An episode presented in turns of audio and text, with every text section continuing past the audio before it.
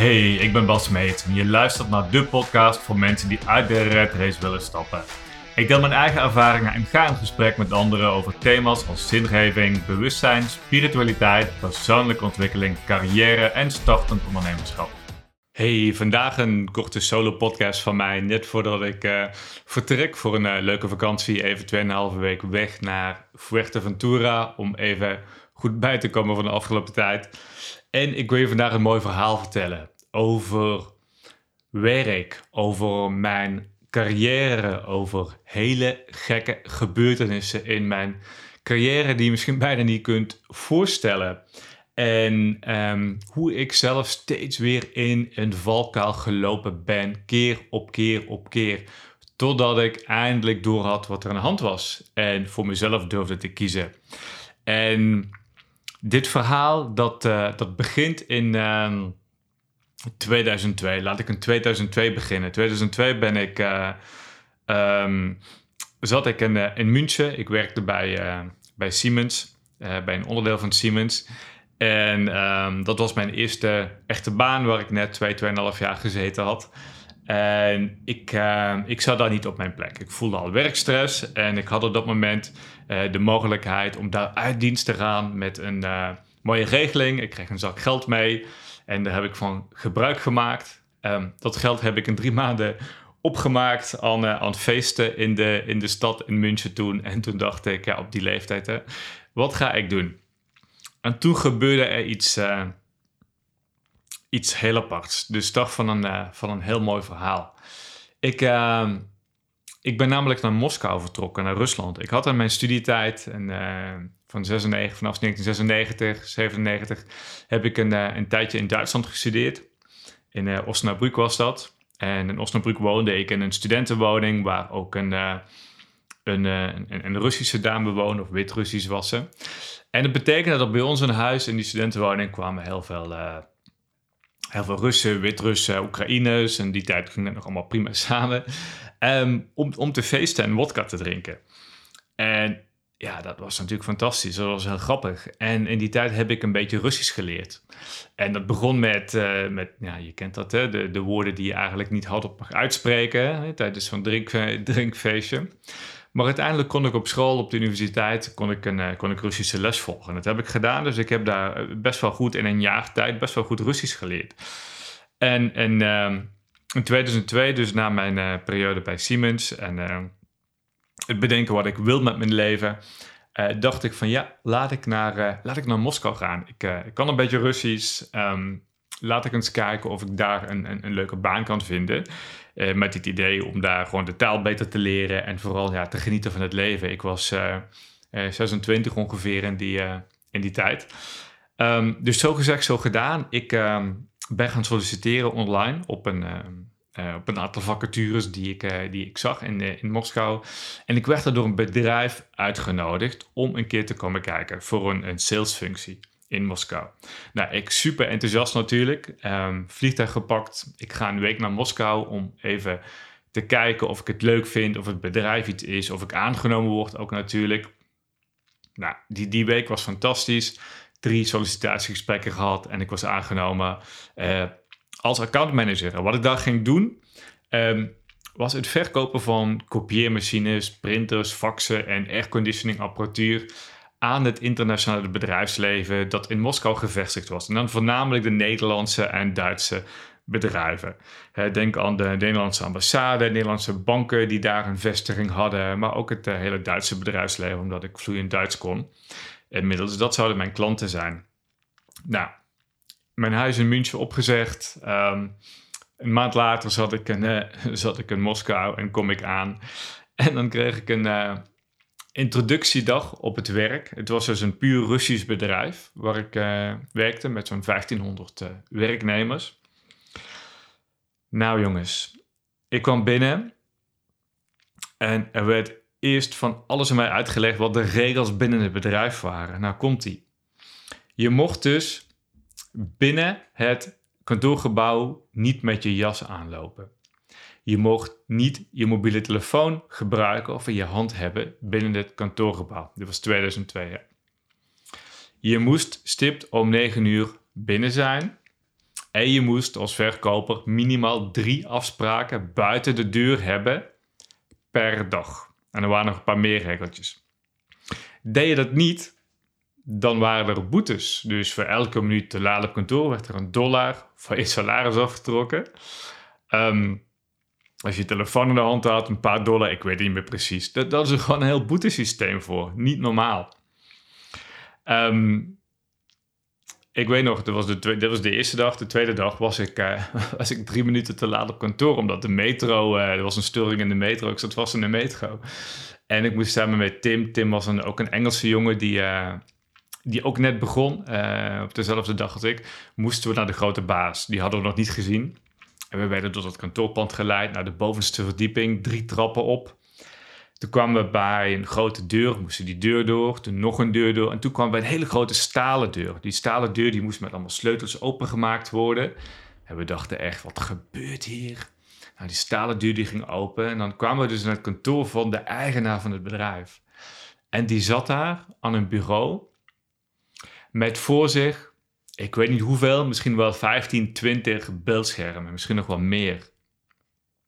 En op die beeldschermen kon hij dus bijna elke medewerker in het hele bedrijf in de gaten houden. Want er hingen dus overal camera's. Zelfs de webcams van de computers waren gekoppeld aan dat systeem. Dus hij kon iedereen in de gaten houden. En dat was waarschijnlijk wat hij de hele dag deed. En we kwamen er binnen bij die man. En ja, je zou dan verwachten, hè, je komt daar als buitenlander, kom je daar aan in Moskou, je tweede werkdag, hè, de grote baas, dat, dat je welkom geheten wordt door de eigenaar van het bedrijf. En het eerste wat hij zegt is, we hebben hier regels binnen het bedrijf. We starten om 9 uur. dus ja, ik legde meteen uit, ja, sorry, metro. En hij, kijkt alleen maar nos, uh-huh. Laat het niet nog een keer gebeuren. Dus ik dacht, oh hemel, Bas, waar ben je beland? Wat is dit? Nou ja, dat kantoor weer uit. We hebben niet echt een welkom gekregen. En uh, Tim die kijkt mij aan. Ik was, zijn we hier beland? Nou, Kijk, aan de ene kant waren de dingen best goed geregeld. Uh, zeker voor, voor mij en voor Tim en nog twee andere buitenlanders. We waren met z'n vieren als, uh, als, als buitenlanders die daar de buitenlandse markt gingen bedienen. We hadden een mooi appartement in het centrum van de stad dat betaald werd door het bedrijf. En dat was gewoon echt prima. En we hadden een eigen auto met chauffeur. Die moesten we dan delen met elkaar. Maar dat was, die was gewoon voor ons. En die, die chauffeur, dat was Sergej. Dat was een wat oudere Rus. Een heel grappige man. Um, en die, breng, die bracht ons overal heen naar de afspraken. Maar ja, als er naar Rusland gaat, Sergej die wil er ook wel wat bij verdienen. Dus als ik om drie uur s'nachts uh, ergens uit een discotheek naar buiten kwam, um, een beetje te dronken in die tijd, dan, uh, dan hoefde ik Sergej maar te bellen en dan kwam hij mij wel even ophalen. en dat deed hij dan. Of ik uh, boodschappen wilde doen na mijn werk, dan uh, Sergej, kom je? Ja hoor. En Sergej kwam aan en dan kreeg hij weer 200 roebel en dan was het weer goed. Je kon alles regelen in, uh, in dat Moskou. We hadden ook een eigen secretaresse voor ons team van de buitenlanders. Nou ja, één. Anna, dat was de eerste. En ik weet hun namen niet meer, maar we hebben in vijf maanden tijd... Hebben we er vier of vijf versleten. Omdat die allemaal na een paar weken weggingen. Omdat ze allemaal niet konden aarden binnen de cultuur van dat bedrijf. Dan denk ik van ja, hoe kun je zo een bedrijf runnen met zo'n strenge cultuur. En dan hebben we het nog niet gehad over onze eigen baas. Ilja heette hij, van onze afdeling, van de verkoopafdeling. En wat dan gedaan werd, elke ochtend als je binnenkwam, gaf je iedereen een hand. Nou, heel gek voor ons uh, Westerlingen, maar daar deed je dat. Iedereen gaf je een hand. En dan uh, precies om negen uur, dan ging Ilja, die ging even wat dingen doornemen. En wat ze dan gingen doen, dan gingen ze uh, alle onze telefoongesprekken die we hadden met potentiële klanten, die werden, opgenomen. En dan gingen ze dus ochtends, speelden ze een aantal opnames terug van gesprekken die verkopers hadden gehad met klanten de dag ervoor. En dat waren ook de Russische verkopers, niet alleen wij, de, de, de internationale. Wij werden wel een beetje, nou, een klein beetje nog beschermd, maar vooral die, uh, die Russische verkopers, die werden gewoon verschut gezet. En dan werd zo'n verkoopgesprek afgespeeld op de speaker wat iemand gehad had. En dat werd dan helemaal afgekraakt. Nou, niet gek dat het personeelsverloop daar natuurlijk gigantisch hoog was. Ja, en Iliad die zat helemaal onder de stress. Die zat die had altijd van die grote ogen. En we dachten, wat is er toch met hem aan de hand? Hij heeft altijd zo'n stijf gezicht. Hè? Die spieren helemaal aangespannen en die grote ogen. Ja, totdat we hem een keer betrapten. Ik en, uh, en Ian, een andere Engelse collega, we liepen zijn kantoortje binnen en we een vraag hadden.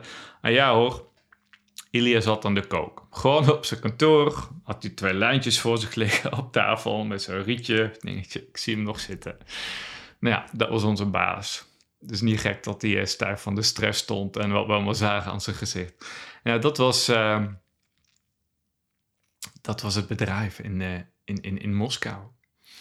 En dan, jongens, je maakte dingen mee. Als je naar afspraken toe ging, uh, daar. en je moest een keer een taxi toevallig nemen. Dat uh, ze, de remmen het niet meer deden onderweg. Of dat uh, je van alles aangeboden werd dat je mensen leerde kennen en je meteen weer thuis uitgenodigd bij mensen. Ik heb de allergekste dingen meegemaakt in die, uh, in die paar maanden daar.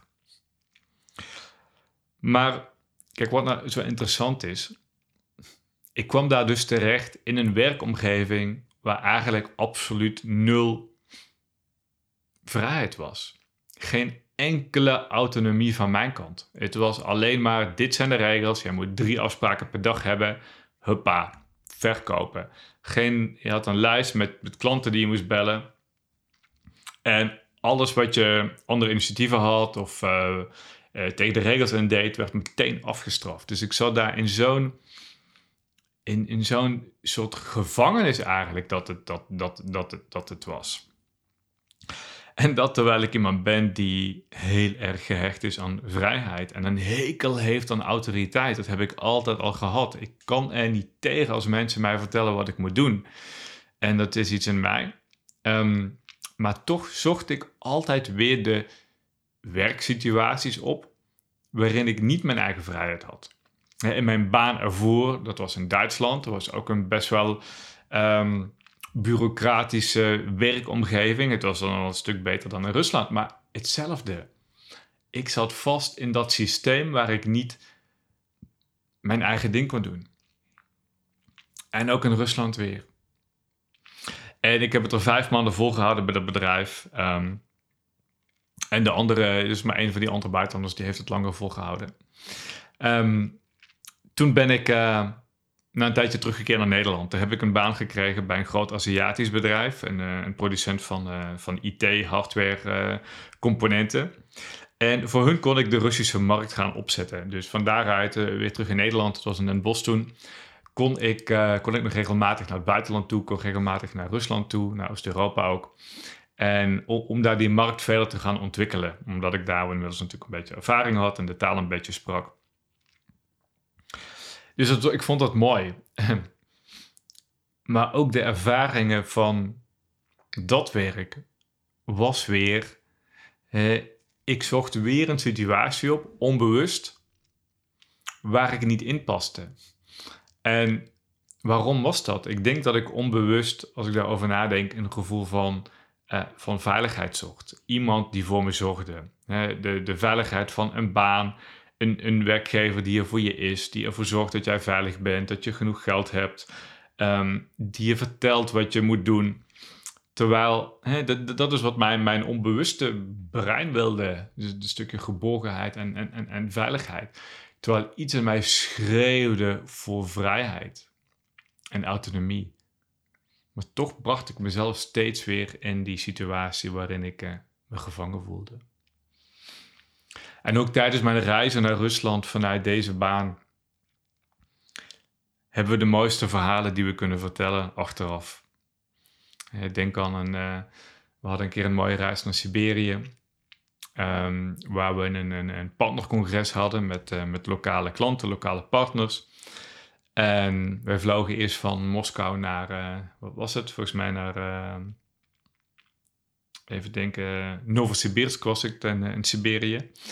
En die vlucht, dat was nog wel oké. Dat was ook met een Russisch vliegtuig. En Russische vliegtuigen die zijn iets anders dan de westerse vliegtuigen. Tenminste in die tijd nog. Ik denk dat dit is 2003, 2004 geweest in die tijd. Um, die waren iets anders. Maar dat ging nog wel. Nou, van, en toen hadden we een volgende vlucht van Novosibirsk naar, naar Krasnojarsk. Dat is nog wat dieper Siberië in. Toen kwamen wij s'avonds al op dat vliegveld en, uh, in Novosibirsk. En we moesten daar inchecken.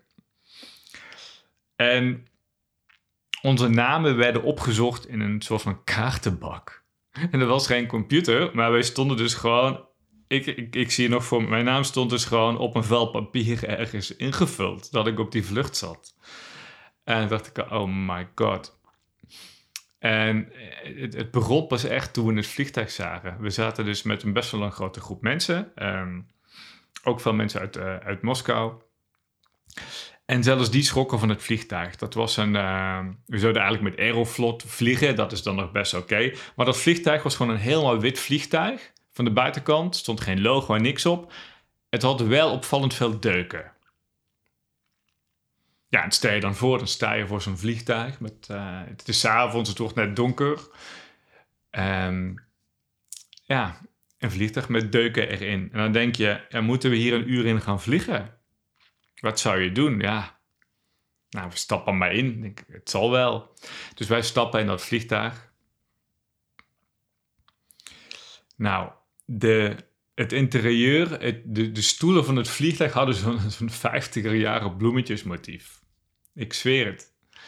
Nou, ga maar zitten dan. De gordel, de veiligheidsgordel, die deed het niet. Bij sommigen deed het wel, bij die van mij deed het niet. Mijn stoel die ging, uh, ja, die was helemaal wiebelig, die ging zo naar achter. En toen wilde ik mijn bagage boven, mijn handbagage, uh, mijn tas met mijn laptop, wilde ik boven in, de, het bagagerek uh, zetten. Alleen dat was er niet. Er was, uh, zoals je vroeger in de bussen had, als je wat ouder bent, dan weet je nog, vroeger had je in de bus had je zo'n soort van zo'n netje was dat, wat daarboven hing. Meer was het niet. Dus het was in dit vliegtuig ook gewoon zo'n zo net dat boven als bagagerek diende, waar je dan je bagage opgooide. Dat kan natuurlijk wel alle kanten op, op gaan. En de klap op de vuurpijn kwam er iemand naast me zitten en dat was een Rus. Nou, ik zat zeker 150 kilo zal die geweest zijn. Grote, dikke, grote, dikke Rus. En zweten die man? Niet normaal. Die zat naast me. Nou, toen ging de deur dicht van het vliegtuig en ik dacht, wat is het hier warm? Ligt dat aan mij? En opeens komt de piloot van voren uit de, uit de cockpit. Uh, we, stonden nog, we stonden nog stil. En die komt met een hele grote schroevendraaier, weet ik wat het was, het leek op een grote schroevendraaier. komt hij zo door de cabine, loopt hij naar achteren. Oké, nou, het zal wel. Nou, een tijdje later komt hij weer terug. Nou, wat ga je dan denken? Geen idee, wat is hier aan de hand?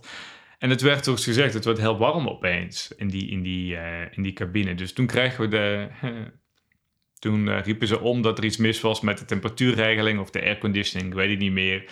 Maar dat we het dus een beetje warm zouden hebben in de vlucht, tijdens de vlucht. Nou, dat was echt een understatement. Me kapot liggen zweten. En dan zo'n 150 kilo man naast je, die naast je zit. Halleluja. Dus dat hebben we gedaan. Ja, wat iedereen zou doen in zo'n situatie. Iemand had een fles whisky bij. Die hebben we maar opengetrokken. Een van onze uh, van ons reisgezelschap. Dus we hebben die fles whisky hebben we in, die, in dat vliegtuig maar leeg gedronken met het idee van, joh, als we dan toch neerstorten, als we dan toch doodgaan, nou kunnen we beter dronken doodgaan dan dit. Nou, we hebben het gehaald, we zijn geland en uh, we hebben dat gevierd. We zijn naar het hotel gegaan en hebben s'avonds het hotel... Uh, volgens mij hadden we, hadden, we, hadden we letterlijk alle wodka opgedronken die ze in de hotelbar hadden. Ik weet nog dat ze zeiden, ja, hebben geen fles wodka meer. We hebben echt alle wodka opgedronken. Nou, tegenwoordig drink ik helemaal niet meer. Maar goed, in die tijd lustte ik dat wel. Um, dus morgens met koppijn uh, naar uh, volgende partner-event daar om een presentatie te geven aan, uh, aan lokale handelaren waar we, hè, waar we business mee deden. Maar dit zijn, dit zijn ervaringen die ik wel koester, waar ik aan terugdenk van, oh Bas, wat heb je toch dingen, dingen meegemaakt. Aan de ene kant heb ik mij altijd wel begeven in, in, in werkomgevingen waarvan ik wist, dit is niet waar ik hoor. Ik, uh, ik, ik voelde dat ik mijn, mijn autonomie, vrijheid miste. Ik voelde altijd weerstand. Aan de andere kant heb ik natuurlijk ontzettend gekke dingen meegemaakt. En, joh, dit, is maar een fractie.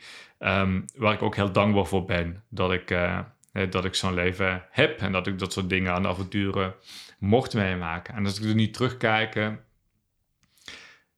dan weet ik ook wel waarom het zo gegaan is. Want als ik nooit in die situatie gebracht uh, zou zijn geweest, als ik dat nooit had meegemaakt, hè, van werken voor organisaties waar ik mijn, mijn eigen ding niet kwijt kon, dan had ik dus ook niet geweten hè, dat het zo zou, zou schuren. Hè, en is natuurlijk vaak zo in het leven dat we situaties nodig hebben om te leren. En ik, uh, ik merk bij mij dat mijn, mijn levenslessen, die herhalen zich constant weer totdat ik de les leer. En ik ben op dat opzicht en dat opzicht geen hele snelle leerling geweest. Ik heb sommige lessen heel vaak moeten doorlopen. Onder andere dus op werkvlak met bedrijven waar ik voor koos om, om te werken. Ehm, de, de, de structuren waarin ik mij begaf. Terwijl ik eigenlijk al wist langer van hier klopt iets niet, dit is het niet, ging ik er toch weer in dezelfde soorten lessen heb je natuurlijk ook op andere vlakken in je leven. Ik heb dat ook op relaties heel veel gehad. Dat ik uh, ja, voor partners koos ehm, voor een bepaalde reden, voor een bepaald gevoel van vaak van veiligheid of geborgenheid. Ehm, maar wat, wat altijd weer bleek, dat, dat, dat het altijd weer op hetzelfde uitliep. Op hetzelfde, dezelfde patronen. Ik zal er niet op ingaan, dat is een ander verhaal. Maar dezelfde patronen, dezelfde machtsdynamiek. Um, die, die terugkwam. En die les heb ik ook heel vaak moeten leren, totdat ik hem durfde te breken en het, uh, het anders durfde gaan doen. Wat ik nu volgens mij wel gelukkig gedaan heb. Maar wie weet wat voor lessen er nog op ons, uh, op ons pad komen. Hè, dus de clue van het alles is, joh, soms kijken we terug op ons leven. En ik heb ook heel vaak geroepen dat ik heel veel jaren van mijn leven weggegooid heb. Als ik terugkijk, denk ik, ik heb misschien 10, 15 jaar van mijn werkende leven heb ik vaak heb ik weggegooid. Omdat ik in die tijd niet gedaan heb wat ik wilde. Dat ik veel uh, gestruggeld heb. Hè, dat ik echt heb gestruggeld ook met mijn mentale gezondheid. Met, met stress, met, met paniekaanvallen. Uh, met richting uh, bore-out gaan. Of misschien wel echt een bore-out gehad. Um, en ik heb vaak gezegd, als ik het allemaal nog een keer opnieuw had willen doen, dan was ik veel eerder uit die baan gestapt, uit die, uh, uit die carrière. En was ik veel sneller iets voor mezelf gaan doen. En was ik veel sneller gaan ontdekken wie ik werkelijk ben en wat ik echt wil. En daar stappen in gaan zetten. maar nu denk ik, nee, die ervaring is gewoon nodig geweest. We hebben gewoon uh, onze levenservaringen nodig. En het heeft geen zin om spijt te hebben van hoe dingen gegaan zijn in het verleden. of, uh, of daar heel lang nog bij, bij stil te staan. En uh, ja, mij druk te maken waarom ik 10, 15 jaar lang dingen gedaan heb die, die niet bij mij pasten. Um, ik heb ze nodig gehad. Het zijn de lessen geweest die ervoor gezorgd hebben om mij nu wel op mijn pad te brengen. Uh, waar ik helemaal mezelf kan zijn. En, en dat is iets wat ja, ik mensen ook probeer mee te geven, denk ik. Um, kijk eens terug op je leven en, en ben vooral ook dankbaar voor de lessen die je geleerd hebt. Hè. Ik zie zoveel mensen klagen. En dat, dat, goed, dat klaaggedrag heb ik ook gehad. Maar je bent nu waar je bent simpelweg omdat het zo is. En, en als je erover nadenkt, het kan ook niet anders. Weet je, je bent waar je bent omdat je hier nou eenmaal bent. Het is zo gegaan omdat het zo had moeten gaan. En het is niet anders. Dus heel erg lang in het verleden blijven hangen. En wat voor emoties daarover voelen, heeft weinig zin. Um, ik heb van mezelf geleerd dat dankbaar zijn voor alle lessen, dankbaar zijn voor het verleden, dankbaar zijn voor alle positieve en, en, en negatieve, moeilijke ervaringen. Dat dat is waardoor ik het verleden ook kan afsluiten en achter me kan laten en mijn aandacht veel meer op het nu en de toekomst kan, kan, kan, kan richten. En dat is wat ik uh, ja, graag uitdraag en mensen ook gun om uh, hun blik echt op die toekomst te gaan richten. Want wat een mooie toekomst hebben we um, en staat er voor ons. We leven natuurlijk in een tijd van, um, hoe moet ik noemen, van een acceleratie in ons bewustzijn. En we zien dat de laatste jaren, we worden steeds meer bewust van wat we aan het doen zijn op aarde, wat we doen met de planeet. Ehm, steeds meer bewust van ons spirituele, van onze eigen spiritualiteit, van dat we misschien wel veel groter zijn dan we, dan we denken. we zien de machtsstructuren op aarde die steeds meer zichtbaar worden, aan het licht komen. De transparantie ehm, is er steeds meer. We moeten het alleen nog vaak gaan zien en, uh, en geloven. En hoe het allemaal gaat zijn, ik geloof dat de wereld naar een hele mooie toekomst gaat. En dat het komende jaren, de komende paar jaar, misschien nog een, eh, een bumpy ride worden. Met, uh, met genoeg uitdagingen. En dat is natuurlijk altijd bij een periode van verandering. op ons menselijk brein is natuurlijk heel erg gehecht aan, aan wat we kennen, aan zekerheid, aan, aan controle, aan, aan, aan duidelijkheid. En als dingen beginnen te veranderen, als onze perceptie van het hele leven en van de wereld en hoe de samenleving werkt en, en structuren en politiek en geld, en als dat allemaal begint te veranderen, dan logischerwijs en geeft ons dat bepaalde ja, emoties. Hè? De een zal er beter mee kunnen omgaan dan de ander. Maar ik ben ervan overtuigd dat als we daar doorheen zijn, ehm, dat we naar een hele mooie samenleving toe gaan. Die gericht is op verbinding, op bijdrage. En waar het materiële steeds minder belangrijk gaat, uh, gaat worden. Goed. Daarmee wil ik hem afsluiten, deze korte aflevering. Ik hoop dat je het uh, leuk vond om naar te luisteren. Um, naar het delen van een stukje ja, persoonlijke ervaring uit mijn, uh, mijn leven. Wees gezond, zorg goed voor jezelf en ik zie jou in de volgende podcast. Je luisterde net naar Uit de Red Race met Bas Meets. En je zou mij een enorm plezier doen wanneer je deze podcast een review of sterrenrating zou willen geven op Apple Podcasts of op Spotify. Wil je meer weten over het werk dat ik doe? Kijk dan op www.maakjouwimpact.nl.